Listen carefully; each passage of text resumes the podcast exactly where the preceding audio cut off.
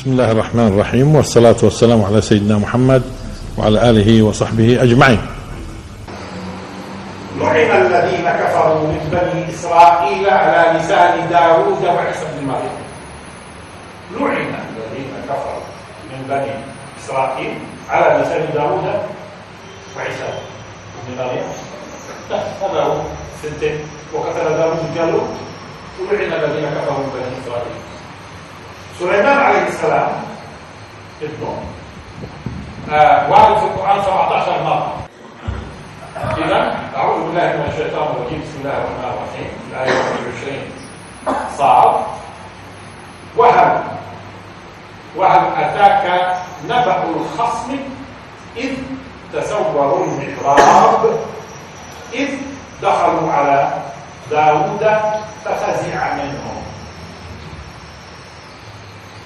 وهل أتاك هذه على فكرة فيها نوع من التشويق؟ تشويق بينتبه الإنسان. كيف لما أقول للإنسان سمعت أنت القصة وصلك الخبر شو بصير لما نبدأ بهذه الطريقة. نقول له.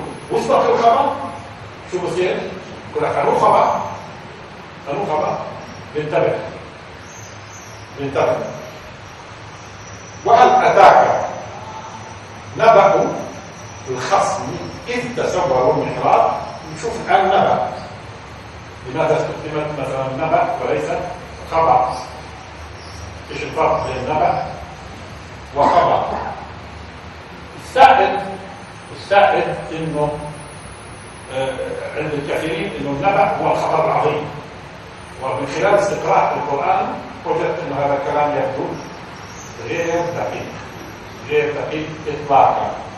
النبأ يعني الخبر الكبير. بدليل اولا بدليل عما يتساءلون عن النبأ العظيم. فوصف النبأ له فلو كان هو النبأ من أصله. الخبر العظيم. إيش داعي العظيم شيء. بعدين يا آدم أطيعهم بأسمائهم فلما أنبأهم بأسمائهم إيش الخبر الجديد يعني؟ اللي اللي لهم مواضيع أسمائهم هم. مين هم بتقولوا أنتم؟ هم عقلاء اللي صار موضوع موضوع التسمية والمبارزة بين آدم عليه السلام والملائكة في هذه القضية مش موضوعنا آه من أنبأك هذا؟ قال إذا إذا غير صحيح يبدو من خلال الاستقراء أنه النبأ هو الخبر العظيم وإنما كلمة خبر. خبر. خبر. فيها كأنه إخبار بأمور دقيقة وبواطن الأمور عارف المسألة وحقائق الأمور. فتخبر الناس. لذلك لذلك تطلع كلمة خبير. دائما الخبير هو اللي بينتهي إلمام تفصيلي ودقيق في المسألة. يكون عنه إيش؟ خبير. وبالتالي الخبر في الأصل في الأصل في الخبر. انه يكون ينبه عن دقائق الأمور وخفاياها وما خفي على الناس. خبر. وأما النبأ فهو مجرد نقل اذا صح التعبير خبر من نقل. ما كنتش تعرفه وجبناه وعرفناه فيه وفيها معنى على فكرة النبأ فيها معنى الانتقال.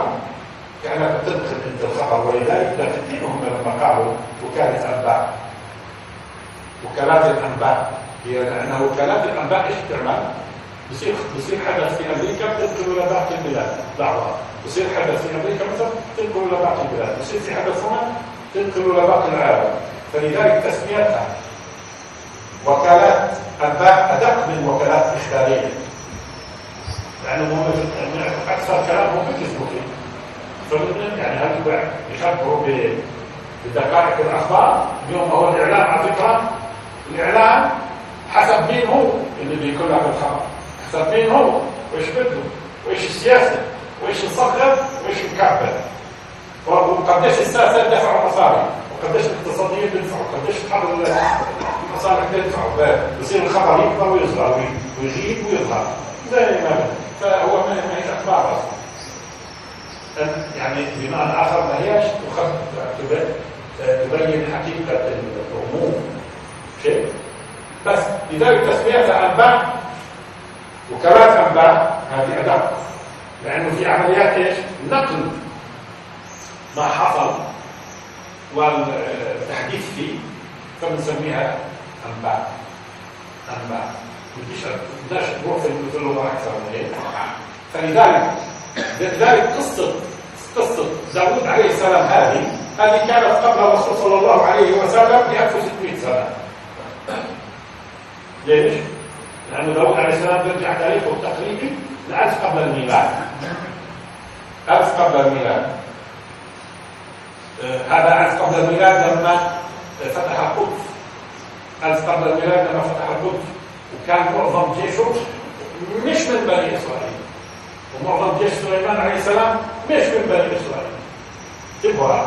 ولذلك لاحظوا القرآن ذكر لما ذكر سليمان ذكر علاقته ببلقيس واليمن.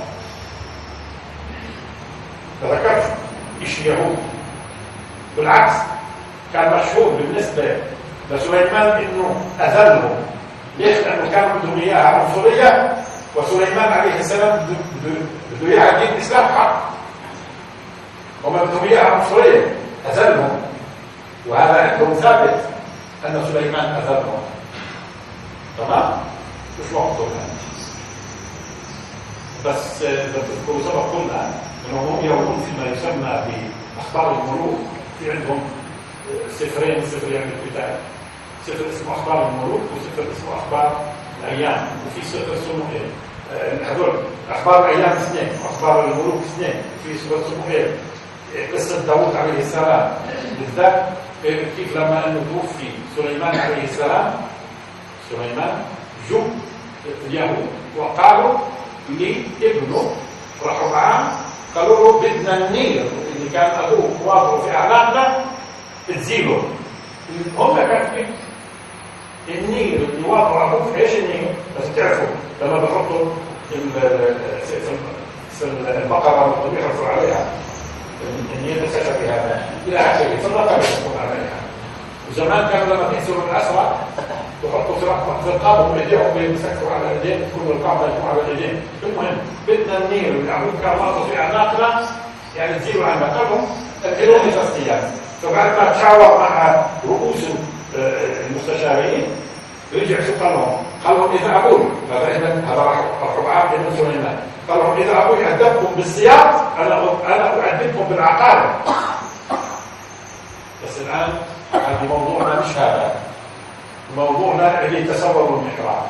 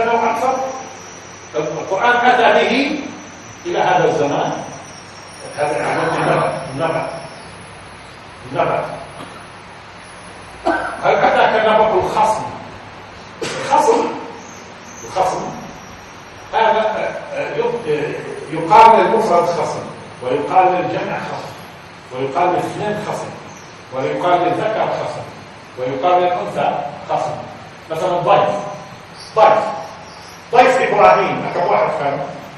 يا جماعة. ضيف ويمكن تكون ضيف شيء. فممكن تكون على الجماعة كلها. ضيف سواء كانوا ذكور ولا إناث المفرد ولا جمع أو مثلا ضيف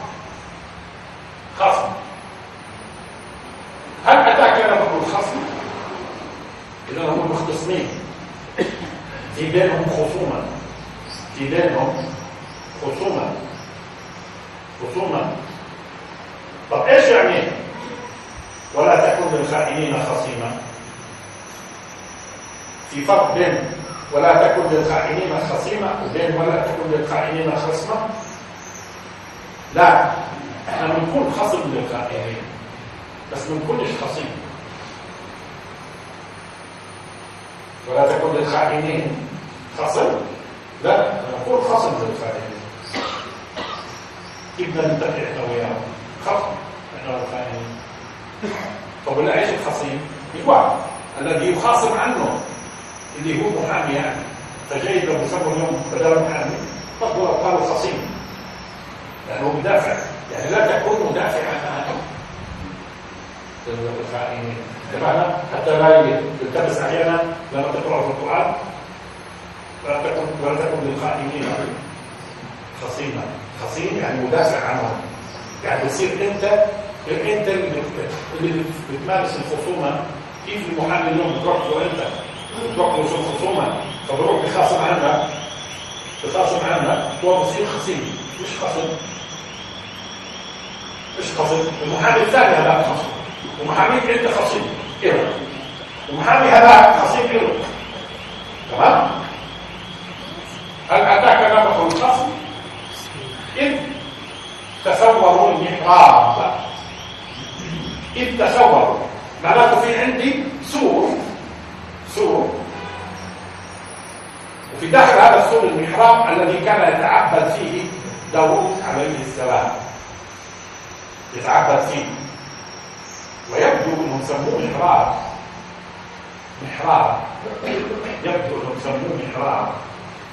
لأنه الإنسان إما أن يكون في حرب مثلا مع مع الأعداء مثلا أو في الحياة الدنيا في جهد ومجاهدة ومكابدة وحدة في كسب رزق وتفاصيل أو في محاربة شهواته والغام نفسه التعبد وحملها على؟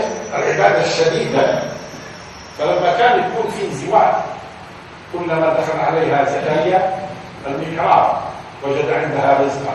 إذا هي لما إذا هذا يبدو وكأنه كانهم استفادوا من موضوع إنه الإنسان لما يكون في حالة خلوة يتعبد فيها إلى الله فهو يقاوم أهواءه ونوازعه. شيء؟ وامر اهلك بالصلاة. واصطبر عليها في مصابرة. في مصابرة. فكأنه هو في إيش؟ حرب مع نفسه. وهو يتعبد ويخضعها ومن هنا المحراب صار يطلق على مكان مخصص مخصص للعبادة. مخصص للعبادة. اللي بيكون فيها حرب بينك وبين نفسك. من أجل إخضاعها لتسير في الطريق الصحيح. ولن تبالكم كنتم تصلوا كنتم تصلوا إيه بيكونش أحيانا بينكم وبين أنفسكم صراع. وطول الإمام وما طولش ومخلص ما خلصش وتفاصيل فذاك النبي صلى الله عليه وسلم كان يرتاح في الصلاة. ما يكونش بينه وبين وهو في النهاية على فكرة إذا انتصر على نفسه يصير كل شيء سهل. إذا انتصر. إذا انتصر بهذه الحرب أصلا انتصر في كل الحروب. إذا انتصر في هذه الحرب مع نفسه معناته انتصر في كل الحروب وبصير ما في مجال لهزيمته إطلاقا. انتبهنا؟ الآن. تصوروا معناته الإحرام كان إيش؟ في سوق فهم جماعة ما خرجوا من البعث ليش عملوا؟ ليش بقول جماعة؟ لأنه تصوروا إذا ما واحد لأنه يعني في بعض كتب التفسير عجيب في الموضوع عجيب. إنه هم تصوروا إنهم اثنين. لا مش اثنين هذول. كل الألفاظ بتدل على أنهم جماعة. بس لما يكونوا جماعة من قسمين قسمين. فهم بيكونوا خصم وبيكونوا خصمين. ليش خصمين؟ لأنه كل واحد له وجهة نظر هذول يعني جاي هو جماعته وهذا جاي هو جماعته شيء؟ بس لاحظوا إنه من الألفاظ يشعرون إنهم هم مش واحد ولا اثنين ولا ثلاثة. قصدي مش اثنين أكثر. والغريب إنه بيحاولوا بعض أهل التفسير إنه يتلاعبوا في الأمة مشان يخلوهم اثنين. طب ليه؟ ليه؟ الايه واضحه هل اتاك نبأ الخصم قلنا الخصم يطلق على الفرد والجماعة. اذ تصوروا مش تسورا. تصوروا المحراب. إذا المحراب كان بده يتحول إيه المكان المكان الذي يختلي فيه. داود عليه السلام يتعبد فيه. آه، آه، حول سوق فهم إيش ما دخلوش من الباب تصوروا إذا صعدوا ونزلوا من السوق. وإن كان على فكره بعضهم ضدها الا الا إنه قضية آه، التسرق يعني لا بس شوية مثل الانتباه إنه لما أنا بقول ثورة غضب ثورة غضب يعني هيجان الغضب حدته وبتعرف الغضب بيبدأ هيك بحيث إنه في الأخير يرتفع ولذلك ذهب البعض إلى إنه ممكن يكون هم مش فقط تصوروا المحراب وتصوروه في حالة من الهيجان. لأنه الخلاف بينهم بيؤدي إلى ينضموا بعض. وهم أصلا الدليل على هذا الكلام إنه ما استنوا وما انتظروا حتى يجلس داود عليه السلام في مجلس القضاء. كما هو كان يجلس في مجلس القضاء في النهار في أيام معينة. كان يجلس. يبدو قضيتهم وصلت لدرجه بدهم يتطاوشوا ها؟ ويجوز يصير في بينهم فتنة كبيرة. ها؟ ما صبروش. ما صبروش إلى درجة إنهم تصوروا على داود عليه السلام اللي كان مش بس قاضي يقضي بين الناس وكان هو الحاكم. الحاكم. يعني تخطوا الحراسه إلى في حراسة. وما أظن داود كان عليه حراسه عليه السلام. ها؟ خصوصا في حالة السن. مش زي حكام اليوم يعني. كنت شفت عمر الخطاب. نتيجه عدله وكان عليه حراسه اللي هو بيحكم العالم شيء؟ طيب. تصوروا مش بس هم صعدوا السوق وصعدوا في حالة من ثورة يحكم كمان. لما نقول ثورة الغضب إيش يعني؟ حدة. إنهم الجماعة. كما قلنا واصلة فيهم إلى درجة يقتحموا السوق وينزلوا وفي وقت مش وقت الجلوس للقضاء وفي وقت خلوة العباد إذ تصوروا المحراث إذ دخلوا على إذا هل أتاك نبأ الخصم؟ وأنت إذ تصوروا المحراب. وأنت بالضبط إذ دخلوا على داوود ترى كيف؟ إلا إلا تنصروه. فقد نصره الله. وأنت إذ أخرجه الذين كفروا. ما خروجه عليه السلام أخذ حدود أيام. من إلى لحد ما وصل مكة المدينة. وين كان النصر؟ آه. إذا تنصروه وقد نصره الله. إذ أخ... إذ أخرجه الذين كفروا ثاني اثنين. آه ثاني اثنين. لأنه في فترة زمنية كان الرسول خرج من آه آه يعني آه لما خرج معه مع أبي بكر شيء في فترة زمنية لما كانوا اثنين مع بعض. إذ أخرجه الذين كفروا ثاني اثنين وانت بالضبط إذ هما في القار وانت في القار هو تثنيان هذول. وانت النصر كان؟ وانت النصر كان؟ ما هو تثنيان لا إذا أخرجه الذين كفروا في عشرة أيام إذ هو ثاني اثنين وهم كانوا اثنين قبل ما القار كانوا اثنين قبل ما يوصلوا القار ها؟ إذ هما في القار بالضبط بالضبط إيه يقول اذا منطق نزل النصر عندما قال الرسول صلى الله عليه وسلم اذ يقول لصاحبه لا تحزن ان الله معنا حددت الكبار حددت الكبار وهون هل اتاك واحد اتاك نبع الخصم اذ تصوروا المحراب وانت بالضبط يعني هم بيقولوا على لا إذ دخلوا على داوود. ففزع منه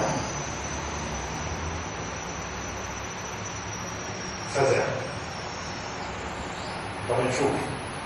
إيش يعني فزع؟ فزع منه هو الإنسان مخلوق بطبيعته. الإنسان مخلوق بطبيعته إنه لما يكون غير منتبه ثم يفادى ثم يفادى في رد في في عنده عدة ردود فعل أولها رد فعل من الداخل. خوف هذا. شيء. ثم حركة حركة بتدل على أنه بده يقابل هذا الشيء. غير عن الخوف والفزع صح فيه ذعر ورعب بس نتيجة إيش على فكرة؟ نتيجة المفاجأة. وهذا أنت بتملكوش أنت بتملكوش لذلك اللي بيخافش مش إنسان. أو لا هو إنسان بس فيه مرض. ولذلك في بعض الأمراض بتصيب الإنسان. في مرض بتصيب الإنسان. يفقد الخوف. فإذا فقد الخوف بتكون حياته في خطر. فلا بد معالجه ما نسمحوش يعني هو يجي لأنه ممكن يقول لك أنتم ما تضبطوش على هذا غلط مش فاهم في إذا مرض يذهب الخوف. إذا الله ليش خلق الخوف؟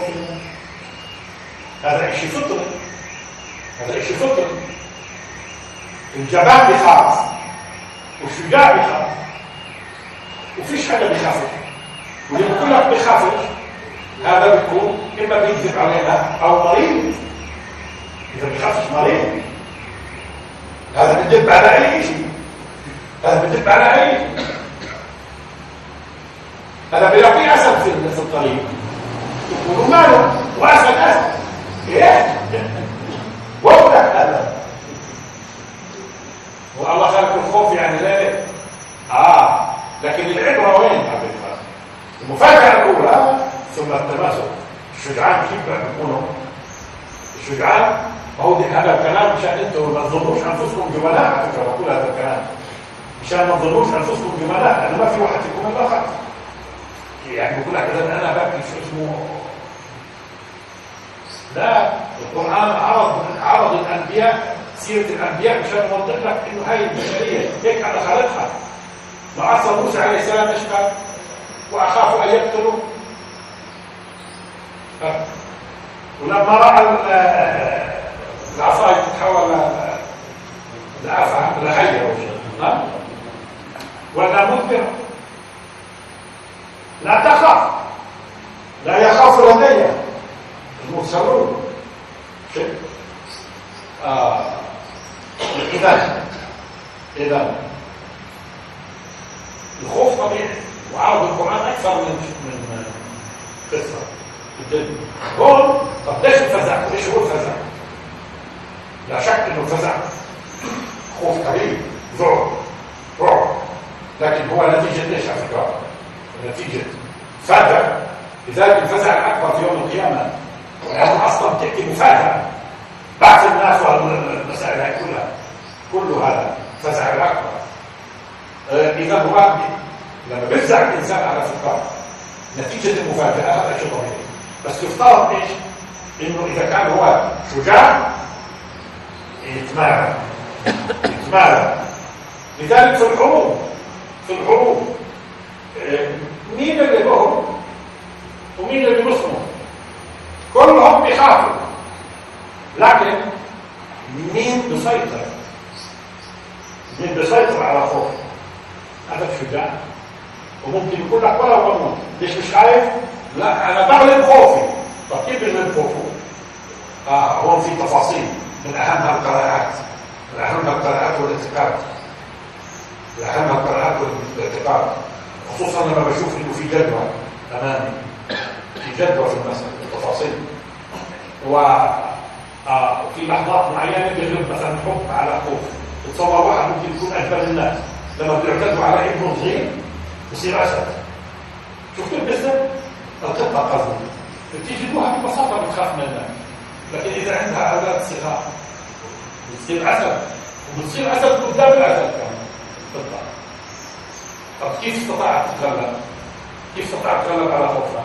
أيوه في شيء أقوى اللي هو إيه؟ حب ابنها. حب ابنها. أقوى. آه. وفي سير طبعا عندي. هون حب الله ورسوله وطاعته وتفاصيل في تفاصيل كلها بتتعب إيه؟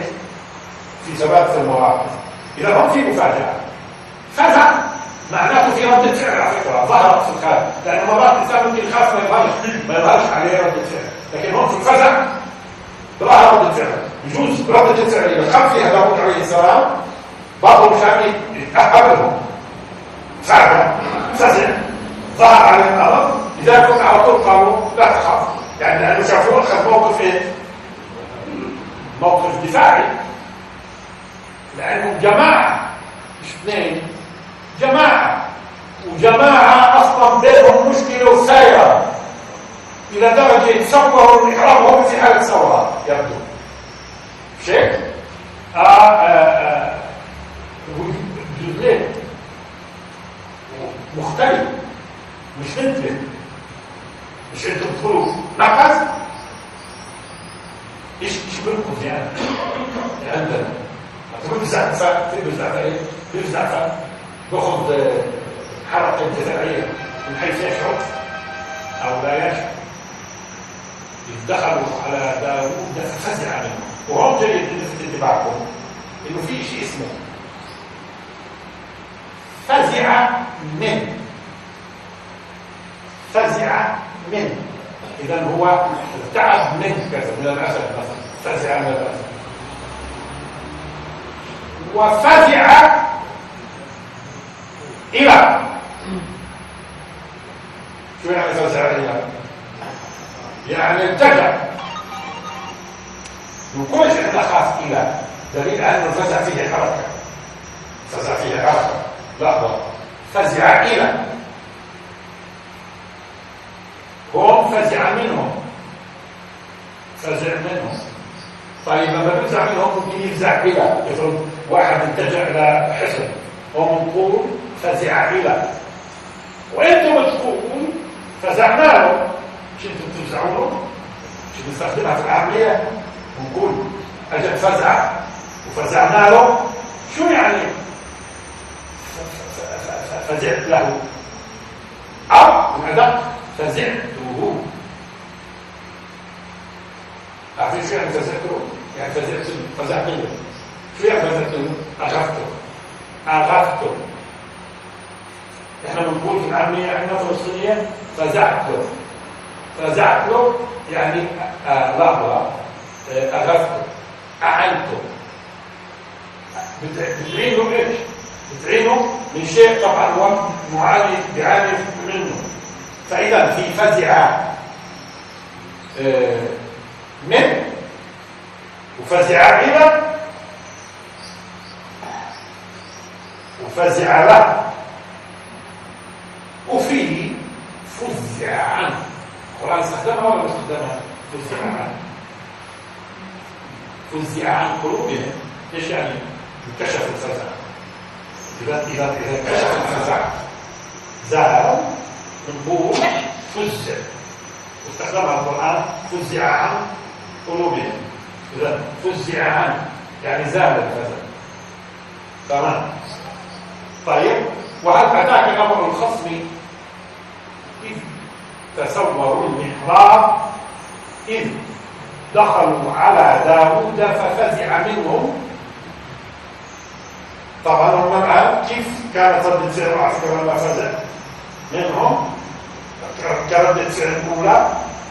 والقرآن هون بيعرض لك النفس البشرية حتى داود عليه السلام. حتى داود. هذه هي هذا هذول البشر. بس داود عليه السلام بشجاعته وقوته هو اللي قتل أصلا جالوت اللي كانوا يخاف منه كل الجنود لا طاقة لنا اليوم بجالوت وجنوده. وقدموا جالوت على جنوده. قدموا جالوت على جنوده. لما قالوا لا طاقة لنا اليوم بجالوت وجنوده شيء؟ وجنوده جالوت قدموه على الجنود واصلا اسمه يدل على أنه كان يبدو صاحب جولات. صاحب جولات رجل جبار. هذا اللي قتله وقتل داوود جالوت يعني واجب واجب داوود عليه السلام. وشجاع وفارس لكن إحنا قلنا هاي مفاجأة. مش طبيعي تفهم شيء؟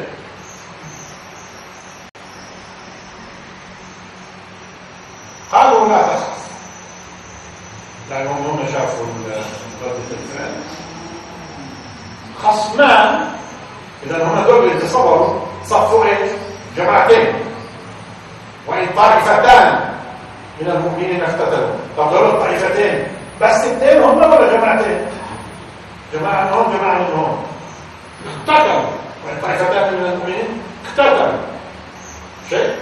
اذا قالوا لا تخف خصمان إذا في مخاصمة بما أنه هو القاضي يفك يفك يفك بينهم الخصومه خصمان بقى بعضنا على بعض. وعلى فكرة هي أول إشارة منهم جماعة موضوعيين. ما حكموش. ما حكموش. الذين الحق. بعض. بقى بعضنا على بعض. مين اللي بقى انت تمام؟ وممكن مش بس هيك. ممكن هذا ممكن هذه الفئه بقت في في أمر وهذول بقى أما ما جاش قال خصمان بقى بقى احد أحدنا على الآخر. بقى أحدنا على الآخر. لا. بقى بعضنا على بعض. إذا وكانه اثنين دخلوا في المشكلة وكل واحد يتجاوز حدوده وكل ما تصير بين الناس مش مشاكل هتبقى لما تصير بين الناس مشاكل وطور ما هم الاثنين بيبقوا على بعض. يعني الاثنين بيتجاوزوا الحدود. بيتجاوزوا الحدود بمسبه بيتجاوزوا الحدود بضم بيتجاوزوا الحدود بي بي بي بي. حتى يفصل بينهم. آه بقى على فكرة. بيمشي الموقف شوية صغيره هنا قول الله سبحانه وتعالى وإن طائفتان من المؤمنين اقتتلوا فأصلحوا بينهما. فإن بغت إحداهما على الأخرى إذا فقاتلوا التي تبغي حتى تفيء إلى أمر الله فإن فاءت فأصلحوا بينهما بالعدل وأقسطوا إن الله يحب المقسطين. إنما المؤمنون إخوة.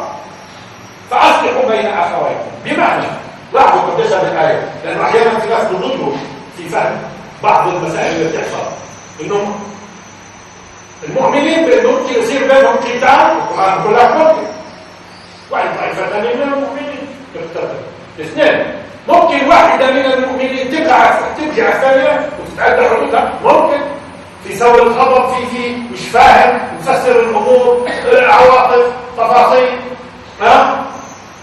عواطف اشياء كثيره ممكن بيبقوا بشر حتى لما صار بينهم وواحده بغت والتفاصيل انتهت الأخوة لا.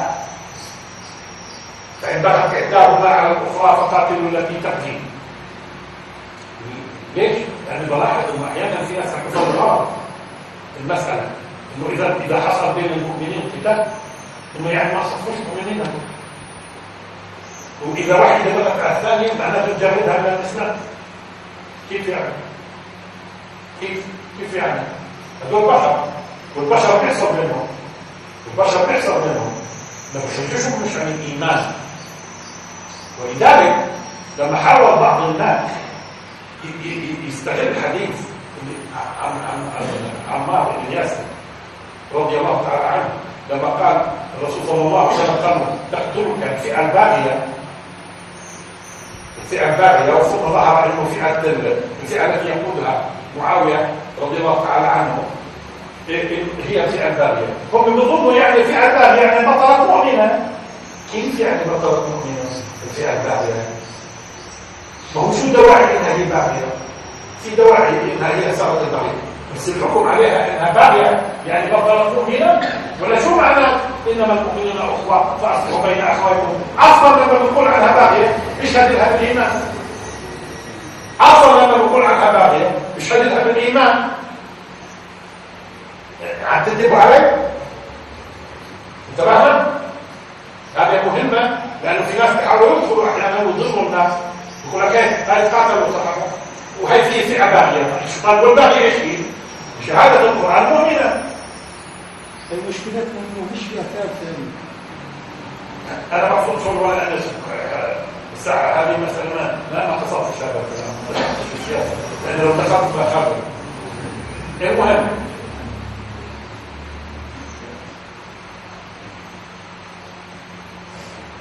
آه إذ, إذ تصوروا المحراب إذ دخلوا على داوود ففتح منهم قالوا لا تخف خصمان بغى بعضنا على بعض.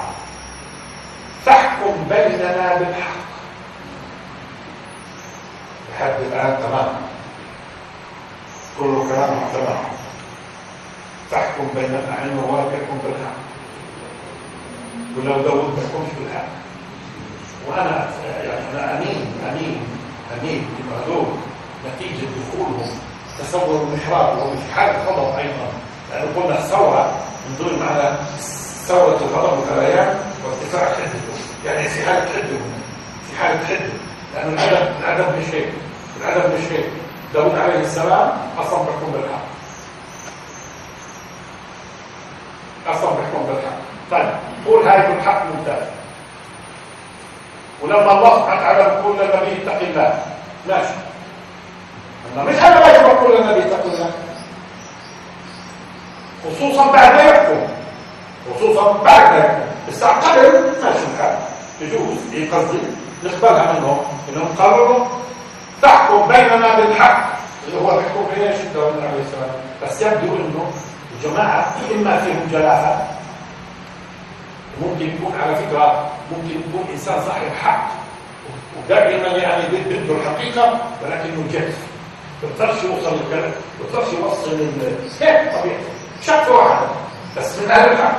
ممكن يكون ولا مش ممكن من أهل الحق وما عنده ما لك إياها بيجيب لك إياها بالله وفي منهم بيلفوا بالدور وباللطافة مش هيك وبيعرفوا الأدب وبيعرفوا كيف يعبر مش هيك آه. ولذلك يبدو أنهم جماعة فيهم جفاء. لأنه تحكم بيننا بالحق فقبلناها منكم ولا تشتت كمان يعني كمان اكتبوا كمان شروط ثانية. آه فاحكم بيننا بالحق ولا تشتت طب إيش تشتت إحنا بنستخدمها على فكرة كثير إنه شط شط فيه ميل على الحق مع بعد ميل مع بعد فيه ميل مع بعد إذا بنعملها المعنيين. وبالتالي نقول شط استخدموها في الإحلام وشطط الشطط الشطط يعني الميل على الحق مع البعد. إذا مش بس ميل مع بعد طب ليش هو بيميل عن الحق؟ وبيبعد عنه؟ فيبدو أنه الجماعه اولا. في قضيه انهم شعبطوا على وذلك أنا بنفي أصلا الزعم بأنه هذول قال ملائكة ومن أجل اختبار اختبار وانهم ملكين لا أصلا الألفاظ كلها بتقول اول شيء لو كانوا اثنين قال بغى أحدنا على الآخر. أما بغى بعضنا على بعض. بعدين تسوروا اذا هم الجماعه أما أنهم ملكين أصلا الالفاظ واضحه واضحة الالفاظ انهم جماعتين. جماعتين. طيب؟ الآن تحكم بيننا بالحق ولا تشرك. وهذه أنا بشوف فيها جفاء. ومش هيك مخبرة الأنبياء. وحصل في زمن الرسول صلى الله عليه وسلم. يا محمد اخرج إلينا. مش هيك؟ ان الذين ينادونك من وراء الحجرات اكثرهم مش هيك العظيم فكان في بس الإسلام كان يربيهم شوي شوي عشان يعرفوا حدودهم. شيء؟ ففي فترة بعض الناس من المسلمين خاطب الرسول الجفاء صلى الله عليه وسلم ولكن هو أصلا بيتعلم. بيتعلم كيف يخاطب هو أنا مش شايف انه خاطبوا داوود عليه السلام. بالطريقة الصحيحه فيها شوية جفاء واضح. فاحكم بيننا بالحق ولا تشطط واهدنا إلى سواء الصراط. الصراط سبق قبل أن تذكروا إيش؟ واسع. تذكروا هالكلام وقلتوا لي الصراط وقتها. تذكروا الصراط في وقت المفصل إيش المهم الصراط طريق واسع سواء الصراط كلمة سواء سواء فيها معنى أولا الوسطية والاعتدال دائما لما يكون في عندي طريق واسع وين بيكون آه، أو بتلاحظوا وسط وسط هذا الطريق. وسط هذا الطريق هو اللي بيكون إيش؟ أسلم. إنه ما نروح اليمين ما نروح اليسار ما ننحرفش على الطريق. ما نتشعبش سواء الصراط. وسطه دائما الوسط هو المعتدل والموصل والموصل إلى الهدف أقرب. اللي هو إيش تأخذ أنت؟ وسط يمينه ويساره ممكن شيء. ما هو المعاني الحسية. مرات بينقلوها الناس من الحس إلى عالم المعنى. شيء. هنا اذا سواء اذا السواء فيه معنى وسطية واعتدال. اهدنا. إذا لاحظوا هنا. ومش بس بده يحكم بينهم. وحكمه بده يكون هادي لهم لهم إذا فاحكم بيننا بالحق. ولا تشطط واهدنا إلى إلى سواء الصراط. يعني كأنه بدك تخلينا نمشي على الطريق الصح. هيك نقول احكم بيننا وخليك ومشينا. ومشينا في الطريق الصح. إيش الصح؟ يعني مقصود فيه. الطريق الوسط. لأن الوسط. الوسطيه فيها معنى إيش الخيرية. واهدنا فيما سواء الصراط طب إيش المشكلة؟ إيش المشكلة؟ أساس المشكلة بين اثنين. أخوة. اثنين أخوة. لكن كبرت وكل واحد معاه إيش؟ اللي دخل في الموضوع فصاروا جماعة لكن اساسها إيه؟ هي لابد من أي مشكلة اساسها اثنين. بعدين اثنين. كيف لما؟ شيء الآن العرض عرض المشكلة. إن هذا هذا أخي. مش إن أخي هذا. لو قال مثلا إن أخي هذا كان ممكن البعض معانيها إنه في له أخوة كثير. وجايين معاه إن أخي هذا. هذا يكون معاه عدة أخوة. ها؟ أخوي هذا. لا إن هذا أخي. هذا أخوه طيب. والغريب إنه بعض الناس صار يقول أخوه في الدين. أنا أول بقول لك أخوه. خلصنا الجماعة بيقولوا أخوه. أنت بدك تنسبه أخوه. لا الإيمان أخوه في الكلام لا إيه؟ الكلام هذا والتو هنا. أخوه إن هذا أخي خلصنا إذن هذا أخوه طيب. له. وهذه أنا بشوفها 99 هاي ممكن اليوم ما نقدرش نجيب حل لأنه كيف ضبطت 99 واحد؟ يعني المجموع بين أنت تفكير هل هل الشغلة مثلا مجرد فعلا هي نساء؟ يعني مسألة تعرض أمامه. وقلنا هي لها حقيقة. أنا شايف المشكلة فيها حقيقة. كيف ضبطت؟ 99 و100 هاي ممكن اليوم ما نتطرقش لها. إن هذا أخي له 99 نعجة. والنعجة كما هو معروف وإحنا اليوم ما نقولش نعجة إلا بالبياض الضأن الانثى شيء؟ يعني السماء كلها نعجه لا. البياض البيضة البيض اللي بنسميه إحنا بياض. الانثى النعجه الانثى في بيقولوا في اللغة كمان ممكن يطلق على أنثى الظبي أو كذا مش وقته. ما لناش فيه خلينا في النعجه اللي نعرفها الضأن الضأن البياض. ويبدو على فكرة آه، هي آه، البياض له علاقة في تسميتها نعجه البياض نفسه. البياض نفسه لها علاقة بتسميتها نعجه لأنه يعني يبدو له علاقة بالبياض أو اللون اللون الصفر. شيء اللون الصفر. فمن هون سميت يبدو أنثى الظهر. اللي هو البياض نعجه له علاقة بالبياض. طيب. آه إن هذا أخي له تسع وتسعون نعجة ولي نعجة نعجة واحدة. بس واحدة.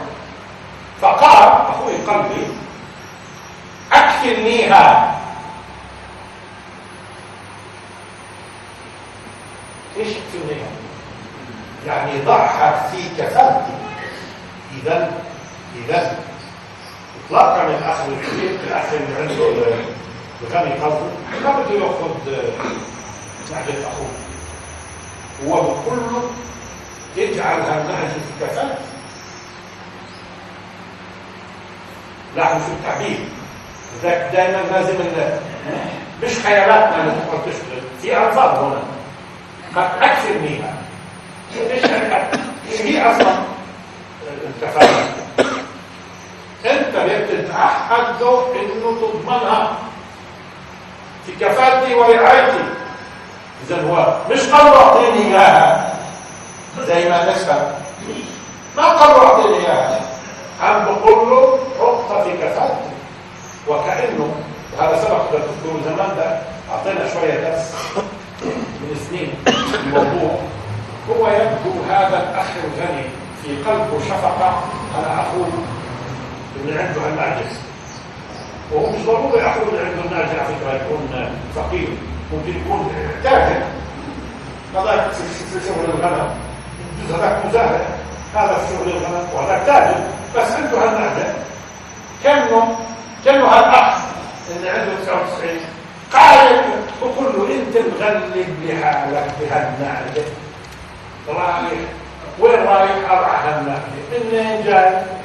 كنا في مرعى هالنعجه هاي عندي أنا واحد كذا يا أخي حط هالنعجه مع هالنعجه خليت حالك يا أخي في كفايتي هذا أخبار ما هذا أخبار هذا حريص على أخوه. مقلب حالك على ما أنت شايف العجاتي 99 واحد معي تنزل كل يوم على المرأة. أي حطها مع جماعة ما تروح معها ما ترجع معها وخلصنا. وكفى وكفى اكفل منها. ولذلك وكفلها زكريا. لأن زكريا عليه السلام يبدو أنها تيتمت هي مريم عليها السلام. وبالتالي أصبحت في كفالة مين؟ جوز خالتها جوز خالتها اللي هو زكريا عليه السلام. فكان يكفلها. واليوم إحنا لما بنقول كفالة خصوصا المحامين إيش بتكون يعني كفالة؟ يعني عندي اذا إذا الزلمة انت كنت تطلبه ما دفعش عندي. وفي فرق على فكرة بين الكفالة أو بين الكفيل وبين الكافر. لاحظوا الآن. في كفيل وفي كافر. كفيل الكفيل انه انت اذا طلبت فلان وما ادى عندي. هذا شو اسمه؟ كفيل. أما الكافر اللي بيأخذ هالطفل الصغير مثلا اليتيم وبيربيه وبيرعاه وبينفق عليه هذا كافر مش كفيل. أنا وكافل اليتيم أنا وكافل اليتيم لأنه بده يأخذ اليتيم ويربيه. اذا في كفيل وفي كافل وفي كوفليه حط الولد الصغير فيها. الكوفليه اليوم بطلوا يكونوا كوفليه يبدو إنها كانت بتكفل إنه هالولد الولد ما يتعودش ما ما يكتشفوش شيء فكانوا يلفوا منيح يسموها كوفليه تضمن إنه لما تقيمه وتحطه الولد ما يتضررش تشكل له نوع من الكفالة. شيء كوفليه آه إذا أخوه آه، يعني حاطط عينه على النجاه شو هالاخ هذا؟ لا مش صحيح. أخوه حريص. دوافع حب وصلة الرحم. التفاصيل هاي كلها. يا أخوي في كفاءة. أكفنيها. وعزني في الخطاب. لحظة. وعزني في الخطاب. نشوف عزني والاصل العزيز. يكون في تفوق و- وهيمنه و- واستعلاء قوة وتفوق واستعلاء. ولكن الملفت هنا أو اللافت هنا آه، إنه اعزك في الخطاب. يعني حجة أخوه الغني. هي اللي أقنعت وهي القوية يعني ما خلانيش حجة. ما خلانيش حجة. لأنه بتصر ويضره من هون من هون وكله ها؟ ها؟ ف ف وإذا به إيه؟ كأنه بيغلبه بس بإيش بيغلبه؟ بالحجة حجة. إذا كمان مرة العزة فيها تفوق. هو تفوق عليه في إيه؟ في الحجة. يعني بمعنى آخر غلبني بحجته ما قدرتش معاه أقول لا. غلبني بحجته إذا هو غلبه بالق- بال- بالقوة هو هدده. لا هو وعزني في الخطاب. يعني منطقه والأدلة والحجة اللي قدمها يعني أخضعتني خلتني خلتني أعطية في كفاءة إذا بعض اليوم فعلا ببساطة لو أجوا أثنين حاكمهم ويجيبوا لك الأخ الأخ الغني هذا أو أو الراعي وهذاك بيت غني ما ندري. شيء؟ جزء هذاك عنا إحنا متصورين ما عندوش حرام الا النعجه لا هم بيحكوا في قضيه النعجه أنا احكمش في المزارع شيء آه على ذلك لأنه واضح انه اليوم لو بدك تعرف على الناس تعال هذا كل اللي انت هالحكي شايف في حاجة هو وأنا كل يوم بنزل على هالقطعه ما يحطها معي يصيروا معي ما معي ليش بدك لا يكون مخوف لا يكون خايف بديك يعني أقول له يا أخوي ضاعت هلا عم يشوف بصير إيه، فعلا أحسن. الخطاب انت عم خذها حط أيوه قديش قديش استمرت كم سنه وعزني في الخطاب الخطاب كلامه. مفتي لأنه أصلا أصلا في الايات اللي قبلها كان يتكلم الله سبحانه عن داود عليه السلام إنه أعطي فصل الخطاب. شو فصل الخطاب؟ يعني كلامه كله محدد مفهوم؟ مفصل؟ بالضبط. يعني الخطاب مش اول مرة يفصل قبل الآية قبل كان يتكلم عن داود إيش؟ اوتي إيش؟ فصل الخطاب وهو معزني في الخطاب كلامه كلامه يعني خلاني اخر يعني هو فوق مني لما يتفوق عليه في الحجة. يكون أعز منك في الحجة. في الحجة. وعزني في الخطاب. اللافت إنه آه، القرآن طبعا دائما بيختصر لك أمور. الآن إحنا أمام مشكلة عرضه ثم أمام حكم. بظن بعض الناس إنه لأنه اعطى الحكم فورا. إنه مش كان في شيء ثاني من الموضوع. إنه ما يعني يعني الخصم الثاني ظل ساكت خلاص داود عليه السلام أعطى الحكم طوال مين قرر؟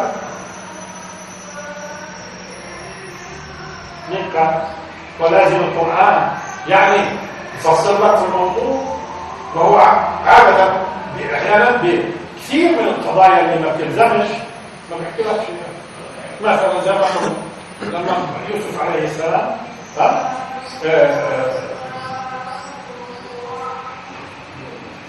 عرضت عليه قصة البقرات مش فسرها. وقال الملك ائتوني به. فلما جاءه الرسول شوف قال قال ارجع إلى ربك فاساله اعرف ما بال النسوة اللاتي تقطعن أيديهم؟ ان ربي بكيدهن عليم قال ما خطبكن اذا راوتن هاي ما صار متحدث عنه صار جامع النسوان تعرفناش إحنا الآن في في في حضرة يوسف عليه السلام. ها؟ ارجع إلى ربك فاساله ما بال النسوة اللاتي تقطعن ايديهم ان ربي بكيدهن عليم إحنا حضرت مين؟ يوسف عليه السلام. فجأة وإذا هذا الملك صار موجه النسوان وجاهل وعم بحقق معهم قال ما خطبكن إذا راودتن يوسف عن نفسه؟ إيه؟ طب ولمن ليش. طيب. وبالتالي الآن الحكم الحكم أنا في ظني مش زي ما بيزعموا إنه داود عليه السلام حكم بدون ما يسمع الثاني. شو حكم؟ مثاني واقف مثاني واقف خصمين واقفين. بدها تفوت بدها تفوت داود عليه السلام. إنه يسمع الثاني بدها تفوت ويسمع الثاني. فبده يكون واقف اللي صار؟ صح الكلام ولا مش صح؟ مش معقول. وآخر دعوانا الحمد لله رب العالمين وبارك الله فيكم.